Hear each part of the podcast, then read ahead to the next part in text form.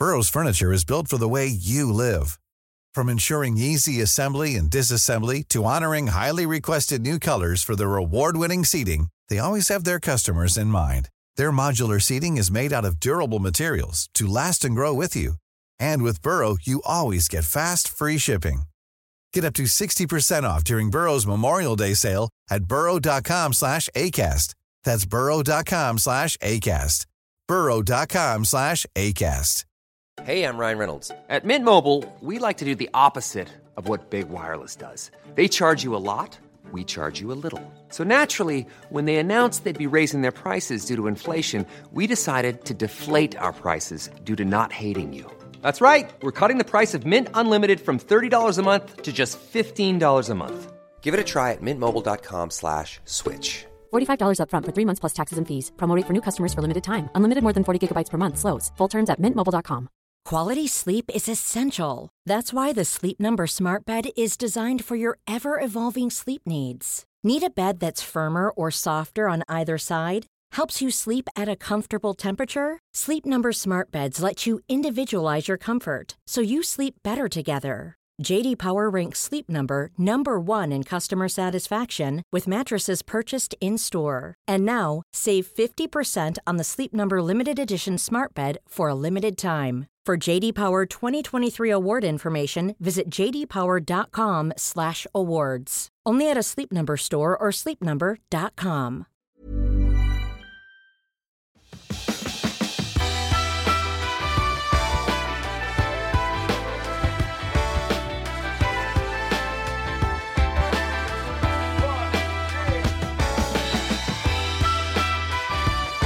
Hej och välkommen till Klimakteriepodden med mig, Åsa Melin.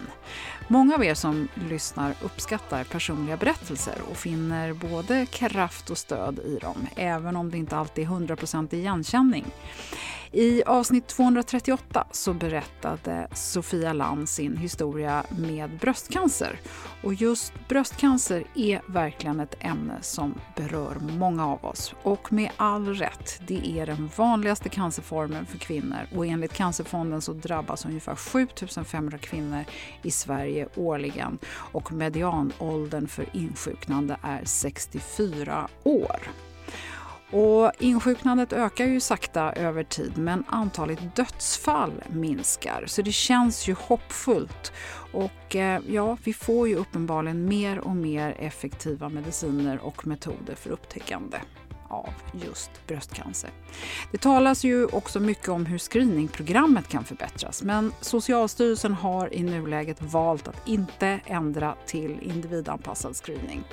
Och det är ju viktigt att vi kvinnor tar vårt eget ansvar också och undersöker våra bröst regelbundet. Men även att se till att komma iväg när den där kallelsen till mammografi kommer. Och på Bröstcancerförbundets hemsida så kan du se hur du undersöker dina bröst och upptäcker om någonting känns konstigt. Och då ska man kontakta vården direkt. Läs mer och lär dig mer om bröstcancer på deras, alltså Bröstcancerförbundets hemsida och även Cancerfondens. Och eh, eh du kan dessutom, förutom Sofia Land i avsnitt 238 så handlar det om bröstcancer i Klimakteriepoddens avsnitt 54, 77, 41 och 230. Det är lite olika vinklingar om bröstcancer men även om hormonbehandling och bröstcancerrisk som jag inte tänker gå in på just nu och här. Men nu ska vi få lyssna på Charlotta Nilsson och hennes historia. Och Charlotta hon tror mycket på inställningen och eh, det här med mindset. Och hon valde till exempel att ha sin 40-årsfest samma vecka som hon fick sin diagnos för att fira livet med nära och kära. Ja, men det hade kanske inte alla valt. Och hon började jobba redan efter nio månader, vilket läkarna rekommenderade att hon inte skulle göra, för de tyckte att hon skulle börja i ändan med max 25 procent. Men det gick ju faktiskt bra för henne. Och så berättar Charlotta lite längre fram i avsnittet om när läkaren sa att hon skulle sluta med sin medicinering trots att man inte friskförklarat henne. Och då kom, framkommer det inte riktigt att skälet var att det inte finns några studier som sträcker sig längre än tio år på just hennes medicin som heter Tamoxifen. Det finns ju dessutom olika former av bröstcancer och olika former av medicinering och olika mediciner. Och vi kan inte gå in på alla detaljer här så jag hoppas att du står ut med att det blir eh, Charlottas historia vi fokuserar på. Och eh, förenklat kan man ju ändå lägga till då att det här med medicineringen går ju ut på att reglera ner det naturliga östrogenet vilket ger klimakteriebesvär väldigt abrupt. Ja, men jag hoppas att du uppskattar det här avsnittet och jag önskar dig som vanligt varmt välkommen att lyssna.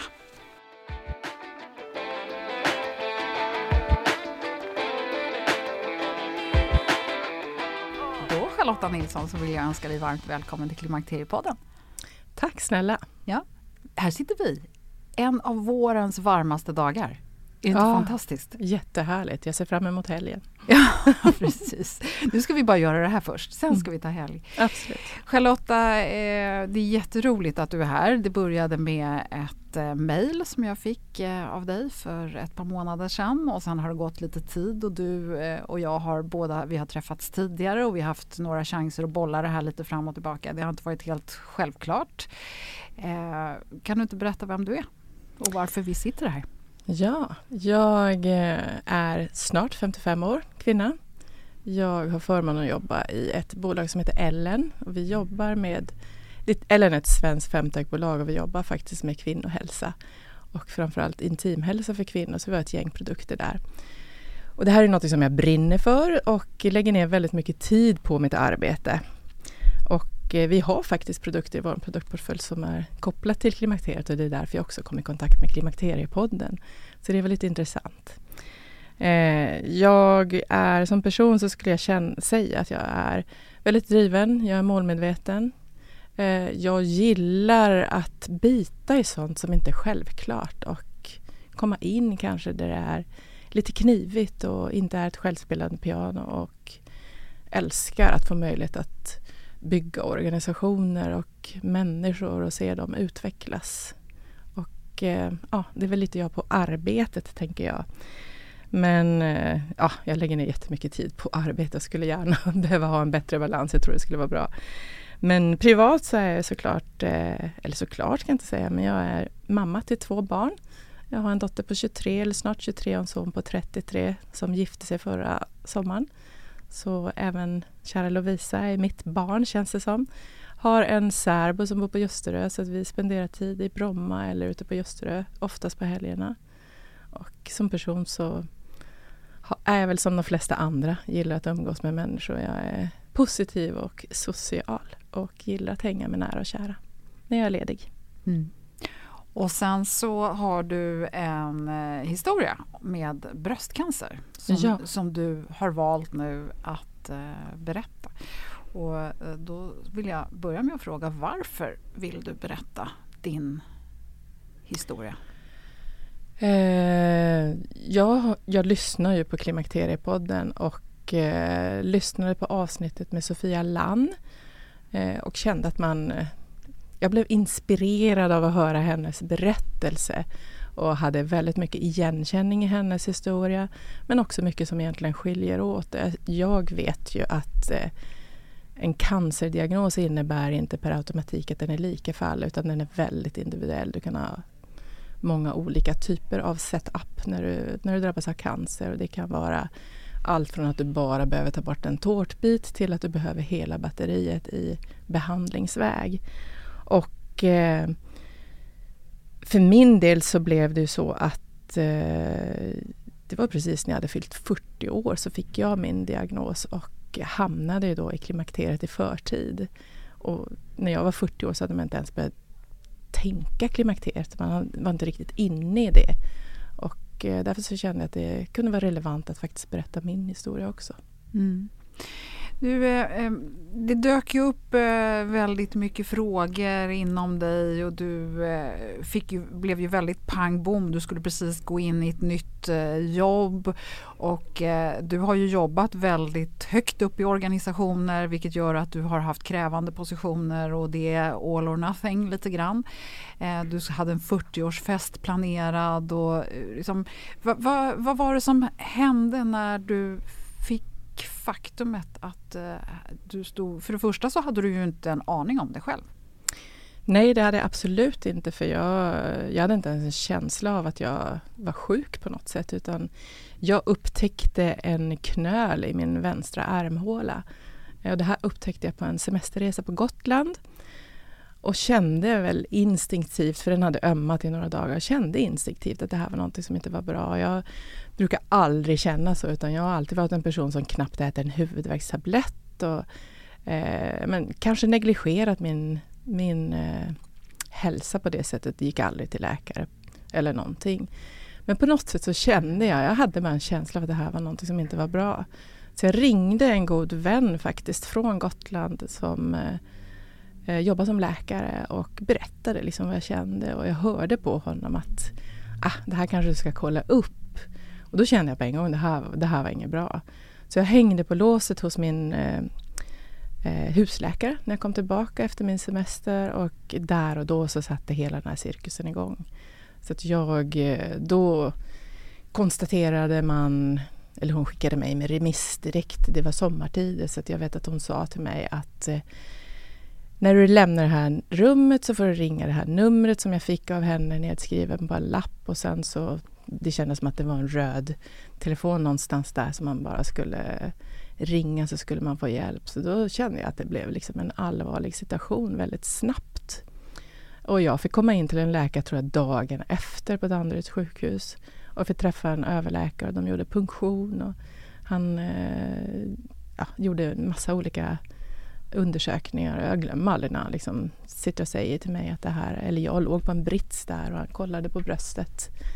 Och eh, säger till mig att det här är ju någonting som vi kommer behöva behandla, säger han. Och jag fattade liksom ingenting. Jag kommer ihåg att jag liksom, vad menar han? Ja, vad menar du, sa jag. Han bara, ja men eh, du har flera tumörer i ditt bröst och det har spridit sig till din lymfa.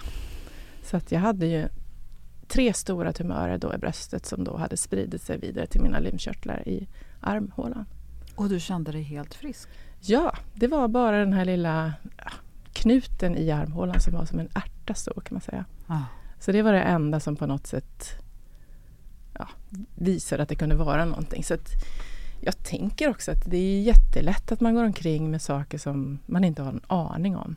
Och jag var mitt i livet, hade precis signat ett nytt jobb och var inne på att jag skulle vidare det. Jag skulle bara tillbaka efter semester några veckor och jobba ja, för överlämning för att sen liksom kliva in på det nya. Och jag fick ju börja min resa med att egentligen... Jag tog kontakt med min nya chef och eh, sa att vi behöver ha ett möte och jag tror att han trodde att jag skulle säga upp mig innan jag ens hade börjat.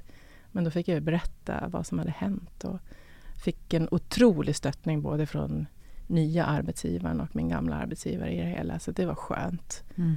Men det var en omtumlande och vad hände tid. då? Den här läkaren han tog det här på superallvar och det blev eh, red alert direkt. Vad, hur, vad hände sen då? Eh, det visade sig att min cancer var väldigt aggressiv så den, den, växte snabbt och den hade ju som sagt spridit sig och då är det oftast en mycket, mycket sämre diagnos såklart. Eh, så det var ju bråttom att få igång cellgiftsbehandling vilket eh, var det första man skulle börja med. Så jag skulle få börja ta mina cytostatika först. Och det var så pass bråttom så man hann inte ens operera in den här portakatten som du har som du får dina eh, cellgifter igenom utan eh, jag fick ta dem, för, den första doserna fick jag ta i armen, i ett arm, ja, nål i armvecket helt enkelt. Eh, det var en otrolig overklighetskänsla. Jag kommer ihåg när jag låg där på Danderyds sjukhus på en säng i ett rum, du hade en droppställning bredvid dig. Där hängde tre påsar med tre olika typer av cytostatika. Och jag, jag sa till den här sköterskan som var där inne då att är ni verkligen säker på att jag har cancer? För det kändes liksom inte så, för jag var ju jag menar, skulle börja jobba med något nytt och jag kände mig inte alls sjuk. Det kändes otroligt overkligt. En 40-årsfest. Och, ja, men precis. Ja. Och hon sa det, ja, men sa att vi, vi är 100% säkra på att du har cancer och att vi behöver behandla det här. Att, eh. och, och då, vad händer med dig när du sätter igång med den här behandlingen? Uh, och det är mycket som händer, det är mycket känslor som kommer och du, du kommer ju in i en... Jag tror alla som känner igen sig i en sån här typ av situation känner ju säkert igen att man kommer... Det blir en karusell av allting, det blir ett virrvarr av tankar och mycket nytt som man måste gå igenom. Och det är mycket tankar också. Dels var det då mitt jobb, men jag hade ju två barn som fortfarande var ganska små. Eh, Hanna, min dotter, var åtta år vid det här tillfället och Alexander var 18 år. Och det var också så här, men, och det var ju när jag fick diagnosen också. Hur berättar man för sina barn? Eh, och hur ska man förhålla sig till det här? Eh, ja, men allting var på något sätt väldigt overkligt. Det var som att man, man levde i en bubbla och att man nästan stod utanför och tittade för det kändes som att händer det här verkligen? Det var overkligt, en overklig känsla. Hur kändes det fysiskt? Fysiskt så... Man berättade för mig... Eh, jag hade ju en tuff behandling då med de här tre olika typerna av cytostatika. Och då fick jag veta att två av de här cytostatika cytostatikapreparaten skulle ge ganska tuffa biverkningar. Och den andra var lite snällare. Så jag var lite förberedd på vissa saker men de, jag tror att de är ganska återhållsamma också med att berätta en helhet.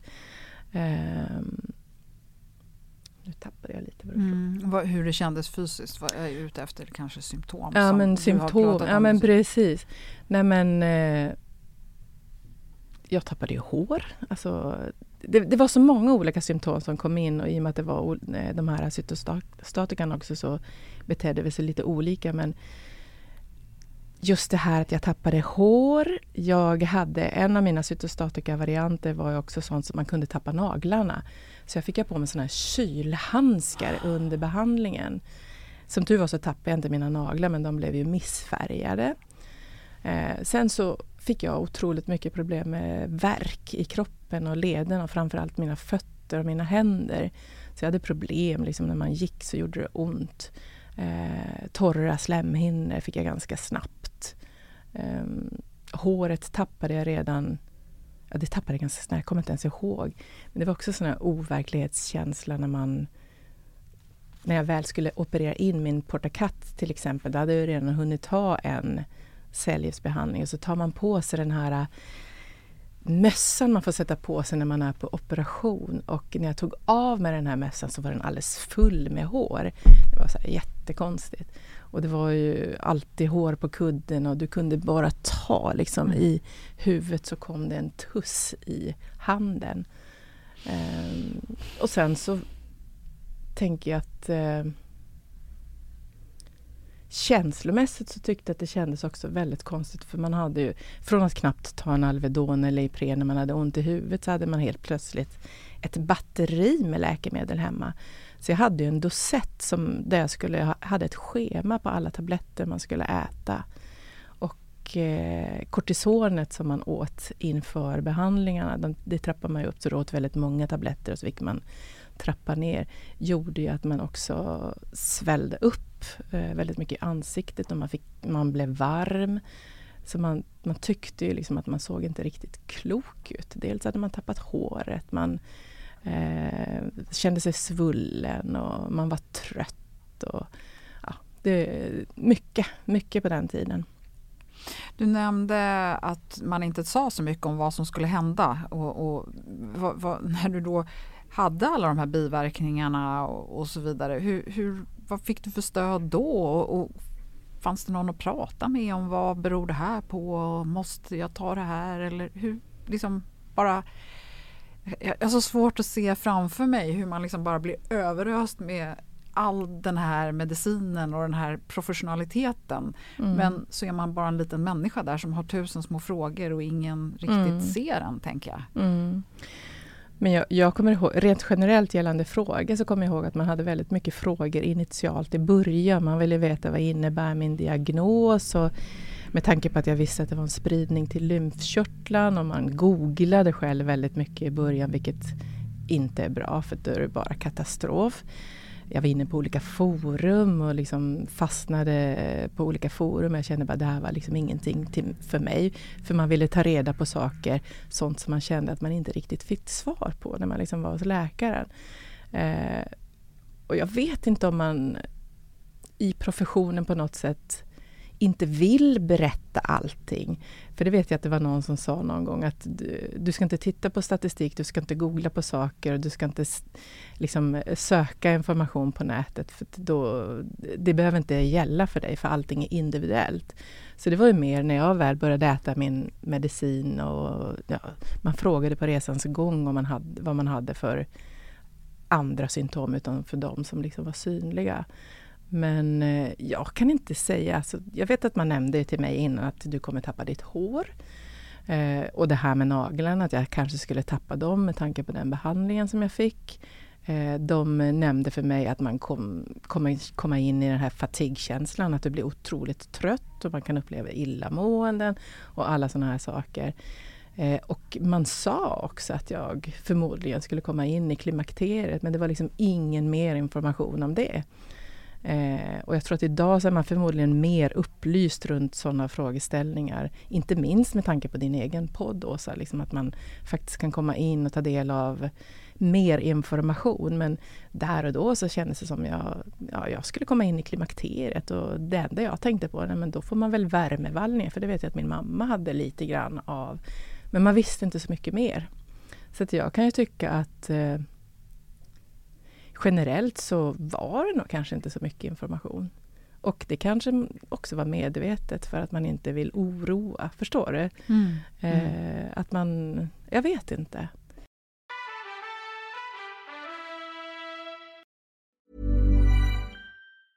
Quality sleep is essential. That's why the Sleep Number smart bed is designed for your ever evolving sleep needs. Need a bed that's firmer or softer on either side? Helps you sleep at a comfortable temperature? Sleep Number smart beds let you individualize your comfort so you sleep better together. JD Power ranks Sleep Number number 1 in customer satisfaction with mattresses purchased in-store. And now, save 50% on the Sleep Number limited edition smart bed for a limited time. For JD Power 2023 award information, visit jdpower.com/awards. Only at a Sleep Number store or sleepnumber.com. Life is full of what ifs. Some awesome, like what if AI could fold your laundry? And some well, less awesome, like what if you have unexpected medical costs? United Healthcare can help get you covered with Health Protector Guard fixed indemnity insurance plans they supplement your primary plan to help you manage out of pocket costs. No deductibles, no enrollment periods, and especially no more what ifs. Visit uh1.com to find the Health Protector Guard plan for you. Many of us have those stubborn pounds that seem impossible to lose, no matter how good we eat or how hard we work out. My solution is PlushCare. PlushCare is a leading telehealth provider with doctors who are there for you day and night to partner with you in your weight loss journey. They can prescribe FDA-approved weight loss medications like Wagovi and Zepbound for those who qualify. Plus, they accept most insurance plans. To get started, visit plushcare.com slash weight loss. That's plushcare.com slash weight loss.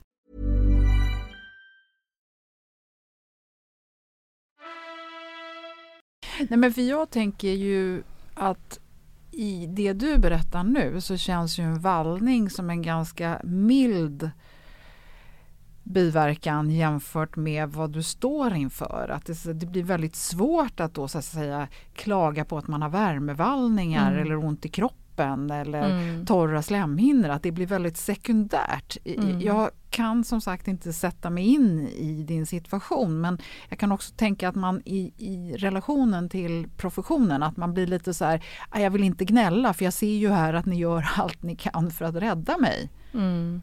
Men lite så var det ju och jag, jag landade väl i från att liksom googla i början och man letade på en massa sätt och så kände jag att det var inte min bag att göra det överhuvudtaget för jag kände att det var bara depressivt egentligen och jag kände att mitt fokus var snarare på att nej men, nu är jag här, jag har den här diagnosen, nu ska jag bara se till att eh, komma igenom den här resan med vad det då innebär. Och jag litade fullständigt på att jag fick eh, den bästa vården. Och det sa de ju till mig också att eh, min behandling var hängslen och livrem som de sa. Jag fick en Rolls Royce behandling och det var ju då givet min, min cancerdiagnos som jag hade fått med spridning så var det. Man kunde ju inte operera för att jag hade så många tumörer och spridning så man ville börja med cytostatikan hos mig. Så jag fick ju både de här eh, cytostatikakurerna som jag hade. Efter det så valde man att ta bort hela mitt vänstra bröst och även eh, eh, vad heter det, lymfkörtlarna i armhålan tog man bort en massa och analyserade det och sen på det så fick jag strålning och efter det så har jag ätit tamoxifen som då blev i 11 år. Så jag har ju på något sätt hela tiden känt att jag har förlitat mig på läkarna och professionen. Det jag har saknat dock, det är ju kanske ett holistiskt tänk. För att många gånger så var det så här, mina, min ledverk som jag upplevde kanske var jobbigast egentligen. Det hade man ju googlat på, eller det hade någon, faktiskt en väninna som sa, men prova nyponpulver, det ska vara bra mot lederna. Så kommer jag ihåg att jag sa det till min läkare att eh, men eh, vad säger du om att äta nyponpulver, att ta nyponpulver? Och det, det var mer liksom ah, Alltså, man tror inte på det i läkarkåren Nej. utan det, det, finns ingen evidens på det. Det finns inga studier på det sättet Nej. som de tycker backar upp nog mycket. Och jag kan förstå vart de kommer ifrån. Men jag kan sakna det här holistiska perspektivet. Att man inte ser på helheten. Och jag har också träffat så många olika typer av läkare, alltså under alla de här åren som jag har varit under luppen hos onkologen. Och eh, det är så olika hur man blir behandlad och en del har väldigt mycket människan i fokus och tycker jag ändå har ett mer holistiskt perspektiv och känns så, medan andra bara är by the book och man kollar på det här och det känns jätteopersonligt. Och det är någonting som jag tyckte var jobbigt när man träffade den typen av läkare där man kände sig nästan lite, lite utsatt. Alltså man kände sig lite så här, man blir väldigt liten i sin situation då för att det är ju det är ett trauma att gå igenom en sån här typ av diagnos med allt vad det innebär. Och då vill man liksom kunna lita på någon som faktiskt också ser människan och människan bakom och att ha en förståelse för alla tankar och funderingar som surrar där. Eh, istället för att by the book bara läsa innantill känns det som ibland. Men de, alltså de har ju kunskapen ur ett annat perspektiv. Så det kunde jag sakna faktiskt.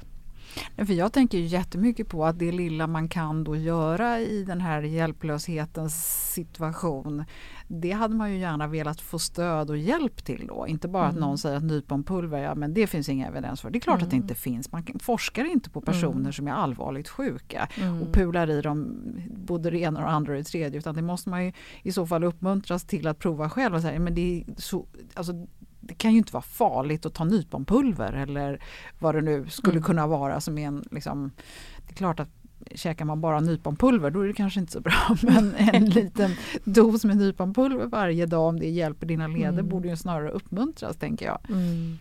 Nej, men, och jag, tror, jag tror att jag landade i att eh, men man gillar inte alla situationer som man blir utsatt för men man får lära sig att acceptera situationer som man hamnar i. Och för mig så blev det mer, okej okay, just nu så är det bara så här, nu kommer jag få gå igenom det här, det kommer innebära de här äh, biverkningarna och det är bara att bita ihop. Alltså det är, vad ska man göra? Du har inte så mycket alternativ och du har ju bara dig själv som du kan... Du kan bara själv styra hur du egentligen hanterar olika situationer.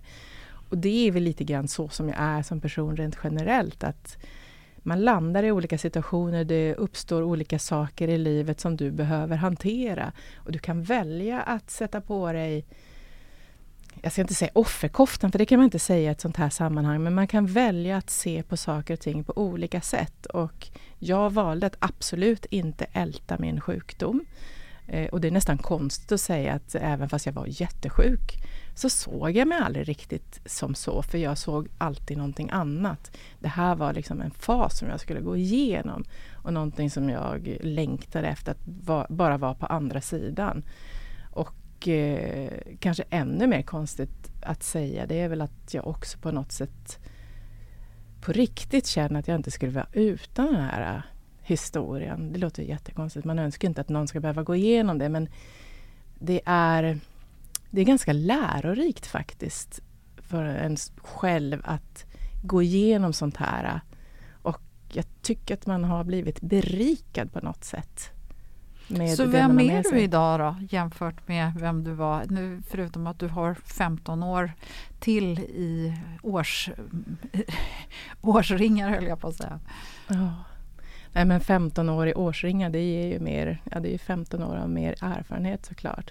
Men eh, i grund och botten så tror jag att jag är väldigt mycket samma person. Jag har nog alltid varit den här äh, drivna, målmedvetna personen som eh, tänker positivt och men, löser situationer. Eh, det är jag nog fortfarande. Det man har med sig det är ju ett rejält bagage med livserfarenhet som kanske inte alla har med sig. Och det gör ju att man kanske har förståelse för olika situationer på ett annat sätt som man inte hade tidigare, speciellt om man hamnar i en sån här typ av situation. Men jag tänker att man kanske också får med sig förståelse för, det behöver inte specifikt vara bröstcancer, men att människor som hamnar i en situation som blir otroligt krävande på olika sätt påverkar en, en människa. Eh, så att jag tänker att man får en annan förståelse för sånt också. Och sen, det låter jätteklyschigt men det är klart att man kanske också tar vara på livet på ett helt annat sätt. Att man inte tar saker och ting för givet. Sen så tycker jag ändå, jag menar det är 15 år, det är lätt att glömma. Eh, jag är fortfarande inte en sån här som, jag tänker ju inte på att jag har haft min cancer. Det är ju ingenting som finns där. Jag blir påmind varje år i oktober när allting färgas rosa och man känner bara, ja men gud, jag har gjort den där resan. Eh, men det är inte så att jag går, går omkring och tänker på vad jag har med mig i mitt bagage. Jag är de facto inte ens friskförklarad. För att det har man valt att eh, inte göra med tanke på min spridning. Eh, vilket var någonting som jag också hade en sån jättekonstig diskussion med en läkare om. Eh, men eh, jag är fri från min cancer. Och, och, det känns skönt och det är på något sätt det jag förhåller mig till. Men du berättade ju för mig eh, att du då skulle plötsligt sluta äta då Ja. den, alltså trots att du inte är friskförklarad så skulle du sluta äta en av dina, ja, den sista medicinen så att Mm. säga. Berätta. Nej, men det var en, eh, en vanlig årlig... De sista fem åren, så var det ju, eller fem, det blev sex år, så blev det ju årliga återbesök till läkaren. Och de där sista åren, då var det alltid olika läkare. Och eh, den här gången så kom jag till en läkare och, som jag då tyckte inte var den här holistiska läkaren utan väldigt så här ah, okänslig om man får säga så. Och helt plötsligt så säger han bara till dig, ja men eh, jag kommer inte skriva ut något mer Tamoxifen till dig utan eh, du har ätit klart. Och vad är det tamoxifenen gör? Det trycker ju undan hormonet så att eh, det är ju... Ditt naturliga Ja, östrogen precis. framförallt. Ja, Mm. precis. Och, eh, och jag, jag var inte ens förberedd på det utan jag trodde väl som vanligt att jag ska fortsätta med min ta- Tamoxifen. För det kändes på något sätt som en liten livlina ändå. Det är i alla fall så jag har landat i efteråt med tanke på att jag kände som jag kände när han sa så. För det var som att dra undan mattan från min lilla livlina. Eh, Och hur länge sedan är det? Det här är nu, ja, men nu är det nog tre år sedan. Mm. Så det så. Så då var du 52 vilket ju Mm. är den, om jag nu får säga, i västvärlden den normala tiden för att inträda i menopaus. Och då skulle du för första gången kanske få uppleva eh, att östrogen lite grann kom tillbaka i kroppen eller att, den in, att det inte kom tillbaka alls. Du visste inte om du skulle få mens igen. Det, fanns ju liksom, det blir ju massa följder på det här tänker jag. V- vad hände? Eh, nej men jag, har, jag har ju även opererat bort mina äggstockar. Så det var ju också en grej som man eh, gjorde när man så. Jag fick en cysta på äggstockarna och då valde man att ta bort dem. Eh, Var det i samband med cancer, bröstcancern? Eller kom ja, det, det var senare? senare. Det kom senare. Men med tanke på min bröstcancerhistorik så valde man att ta bort dem helt enkelt. Mm. Eh, Eftersom mycket av östrogenet Ja, produceras i äggstockarna även precis. efter menopaus så Ja, har vi ju en mm, viss produktion. mm. Men jag hade inga värmevallningar utan värmevallningar gick över ganska snabbt för mig. Det var liksom en ganska kort men intensiv period under min behandlingstid och lite efter. Men det som sitter kvar och det jag fortfarande har problem med det är torra slemhinnor och då pratar vi allt. Det är ögon, det är underliv och man känner torrheten i munnen. Eh, och sen så är det ledverken som fortfarande finns där och som kommer och går. Och genom åren så har det varit så där man har, det har funnits tillfällen när jag varit orolig för ledverken att bara det inte är någonting som har spridit sig till skelettet med tanke på att jag hade en spridning. Så jag har ju under de här åren också genomgått ett antal olika skints där man har checkat mitt eh, skelett och eh, vi gjorde ju också en eh, utredning för inte så länge, eller för, nu kan det vara två år sedan kanske, där man kollade min benskörhet, alltså benskörhet ifall att jag har det och visade sig att jag har begynnelse till, eller tendens eller begynnelse, jag kommer inte ens ihåg, men eh, begynnelse till benskörhet som man ska hålla koll på. Och det tror man ju då är egentligen, eh, det är effekten av den medicin som jag har ätit. Så jag känner fortfarande i mina leder kan jag göra och det kommer att gå som sagt. Eh, men framför allt idag så är det ju slemhinnorna som, som, som är jobbiga. Mm. Så att jag, jag behöver... Jag, numera så har jag alltid vattenfast mascara. Det går inte utan. Jag har ögondroppar och sen så har jag en intimkräm. Och det är väldigt passande att jobba på Ellen då. som dessutom har en hormonfri intimkräm. För det är ju, jag har ju också landat i, med tanke på den historik man har, att jag skulle aldrig peta i mig någonting eller utsätta mig för sånt som innehåller hormoner, alltså i onödan, utan jag känner att jag vill vara borta från det faktiskt.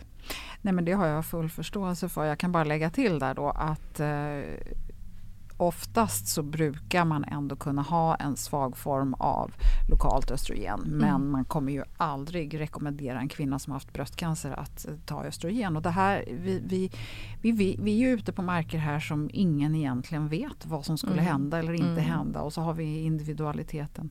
Jag vill också bara lägga till det här med benskörhet. En, ett av skälen till att man säger att kvinnor som kommer i naturlig menopaus innan 45 ska alltid, alltid, alltid få östrogen till den normala tiden för menopaus, det vill säga runt 51-52 mm.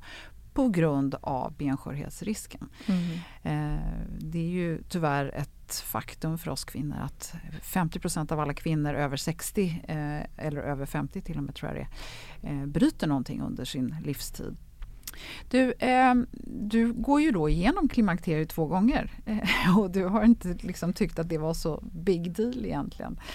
Eh, men eh, jag vill ändå komma tillbaka till det här att jag får ju ofta meddelanden från kvinnor som inte kan ta hormonbehandling för sina besvär av olika skäl. Och de, det är väl lite det här att man ofta vill ha det man inte kan få. Mm. Eh, och faktum är ju ändå att i Sverige så även om vi inkluderar de lokala östrogenerna så är det ändå inte mer än någonstans runt 10 av alla kvinnor i menopausal ålder som väljer att ta någon form av hormonläkemedel. Rätt eller fel spelar ingen roll.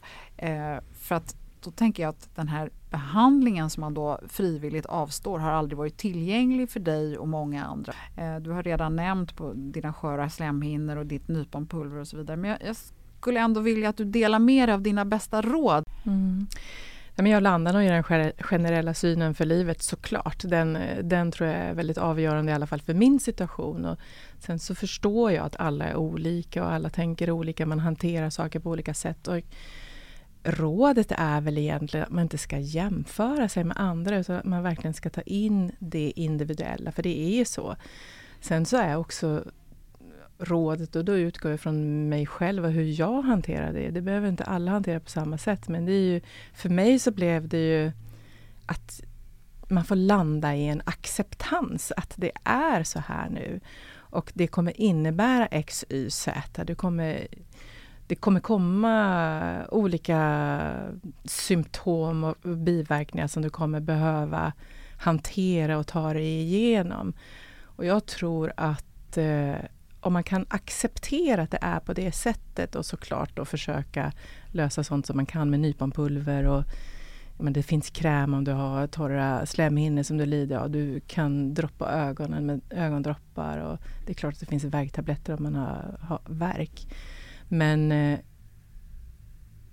mitt råd är nog ändå, och det är ju såklart utifrån hur jag själv hanterar situationen, att eh, ändå försöka hantera det som du står inför så så bra som möjligt. Det låter jättekonstigt att säga så. Jag, jag förstår att eh, eh, man är väldigt olika. Men det har ju varit min räddning tror jag faktiskt. Att jag har en sån syn på saker rent generellt. Att eh, det är bara att lösa. Förstår du? Mm. Det, och det kanske är provocerande att säga så. För att eh, när man mitt är inne i allting så känns det verkligen inte som att det är bara att lösa. Jag menar även jag, även om man har den, den synen på saker och ting rent generellt. Det är klart att man har ju liksom brutit ihop och varit nere på mattan och tyckt att livet är pest och allt sånt där. Så det är inte, det är inte så att någonting är rosenrött men på något sätt så behöver man ju hantera en situation. Och det kan man göra på olika sätt. Man kan välja hur man hanterar saker oavsett vad det gäller i livet. Och eh, jag menar, man har haft dagar när man har varit nere i botten och sen så kravlat sig upp igen och allt sånt där. Och, eh, ett annat råd tror jag också är att eh, förhoppningsvis så har man folk i sin närhet som man kan luta sig mot och bolla med och prata med, tänker jag. Eh, för man är ju utsatt. Och det kan också vara skönt att prata med andra som är i samma situation. Så det tror jag, det är väl också att man kanske... Eh, jag har träffat jättemånga personer som har varit i samma situation som en annan med tanke på att man har haft en resa man har haft som man har träffats på Danderyds sjukhus eller på Karolinska när man har strålat sig eller vart man då har varit. Men jag tror att det kan vara skönt att ha någon som både är i en liknande situation eller har vetskap om det. Precis som det är att ha någon som inte är det, som kan distrahera dig. Så jag tror att man bara behöver göra sin grej och göra det som känns individuellt bra för en själv. Utan att på något sätt jämföra sig med någon annan, utan hitta sin, sitt recept och sin medicin för vad som känns bra för att ta sig igenom en sån här situation. Mm. Ja, och jag tror att, eh, att dela historien så här, som ju inte är självklart för alla, eh, kanske kan också inspirera andra att ta tag i sin situation. Så jag tror att mm. du har eh, genom det här samtalet så tror jag att du har inspirerat och stöttat och, och, hjälpt många. Och det behöver inte vara någon som just nu sitter med en bröstcancerdiagnos utan det kan vara det kan vara många, många andra saker som, som är utmanande. Mm. Nej, men jag hoppas på det. Jag, jag känner inspiration och man får mycket tankar när man lyssnar på, på uh, avsnitt Eh, och som sagt, liksom när jag lyssnade på eh, Sofia Lands avsnitt så känner jag bara wow, alltså det, det, här är någonting som man faktiskt ska lyfta och sprida. Och jag tror det är viktigt att man ska känna, eller att man får folk att känna också att man inte är ensam i en sån här situation. Det är väldigt många kvinnor som går igenom just de här sakerna. Och det tror jag också att man kan känna sig väldigt ensam men beroende på vad man har runt omkring sig vad du råkar ha för läkare som, som tar hand om dig. Och man är utsatt och ensam kanske. Och då tror jag det kan vara bra att prata med någon som är likasinnad eller någon som förstår eller få ta del av någon annans historia. Mm. Nej, och sen så tror jag också att många gånger så vill människor jämföra. Så här var det för mig och då borde det vara likadant för dig. Men det är ju inte det. Vi kommer tillbaka till det här med hur alla är vi unika. Vare sig vi utsätts för saker fysiskt eller psykiskt eller en kombination så kommer vi inte agera och reagera på samma sätt för att vi har så mycket inom oss som, som liksom påverkar det här. Ja, men, och så är det ju och det är ju exakt likadant med klimakteriet egentligen. Vissa har jättejobbigt och vissa bara flyter igenom och märker knappt av det. Och, eh, och det kan man också hantera på olika sätt. Och jag tror aldrig man heller ska liksom jämföra sådana delar. Liksom, att mitt klimakterie är så här. Då borde, alltså, mm. Jag tror att man liksom bara ska ta det utifrån sitt eget perspektiv. Men sen se till att bli upplyst om, så att man får en förståelse för vad är det jag kan förvänta mig i klimakteriet och vad, vad, kan det här bero på? Det tycker jag är så himla bra rent generellt. Att nu börjar man prata mer om sådana här saker. Eh, och jag älskar att man lyfter kvinnohälsa på agendan på ett helt annat sätt än vad man gjort tidigare. För då kanske sådana här frågeställningar kommer upp ännu mer. Så att, eh, jag tycker det är fantastiskt. Mm. Så då ser vi fram emot att det är det som är framtiden, att kvinnohälsa kommer högre upp på agendan. Ja. Då vill jag tacka dig så hjärtligt för att du ville komma till Klimakteriepodden idag. Tack snälla.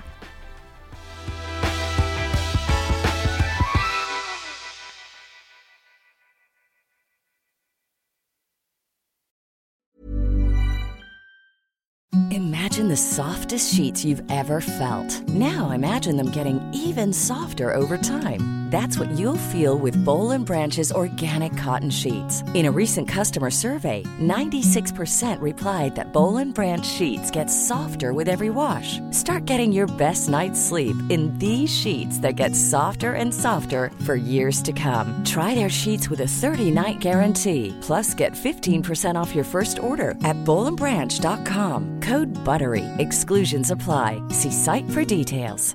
Hi, I'm Daniel, founder of Pretty Litter. Did you know cats tend to hide symptoms of sickness and pain? I learned this the hard way after losing my cat, Gingy. So I created Pretty Litter, a health monitoring litter that helps detect early signs of illness by changing colors, saving you money and potentially your cat's life. Pretty Litter is veterinarian developed, and it's the easiest way to keep tabs on your fur baby's health right at home. Go to prettylitter.com and use code ACAST for 20% off your first order and a free cat toy. Terms and conditions apply. See site for details. Planning for your next trip? Elevate your travel style with Quince. Quince has all the jet setting essentials you'll want for your next getaway, like European linen, premium luggage options, buttery soft Italian leather bags, and so much more. And is all priced at 50 to 80% less than similar brands. Plus, Quince only works with factories that use safe and ethical manufacturing practices. Pack your bags with high-quality essentials you'll be wearing for vacations to come with Quince. Go to quince.com slash pack for free shipping and 365-day returns.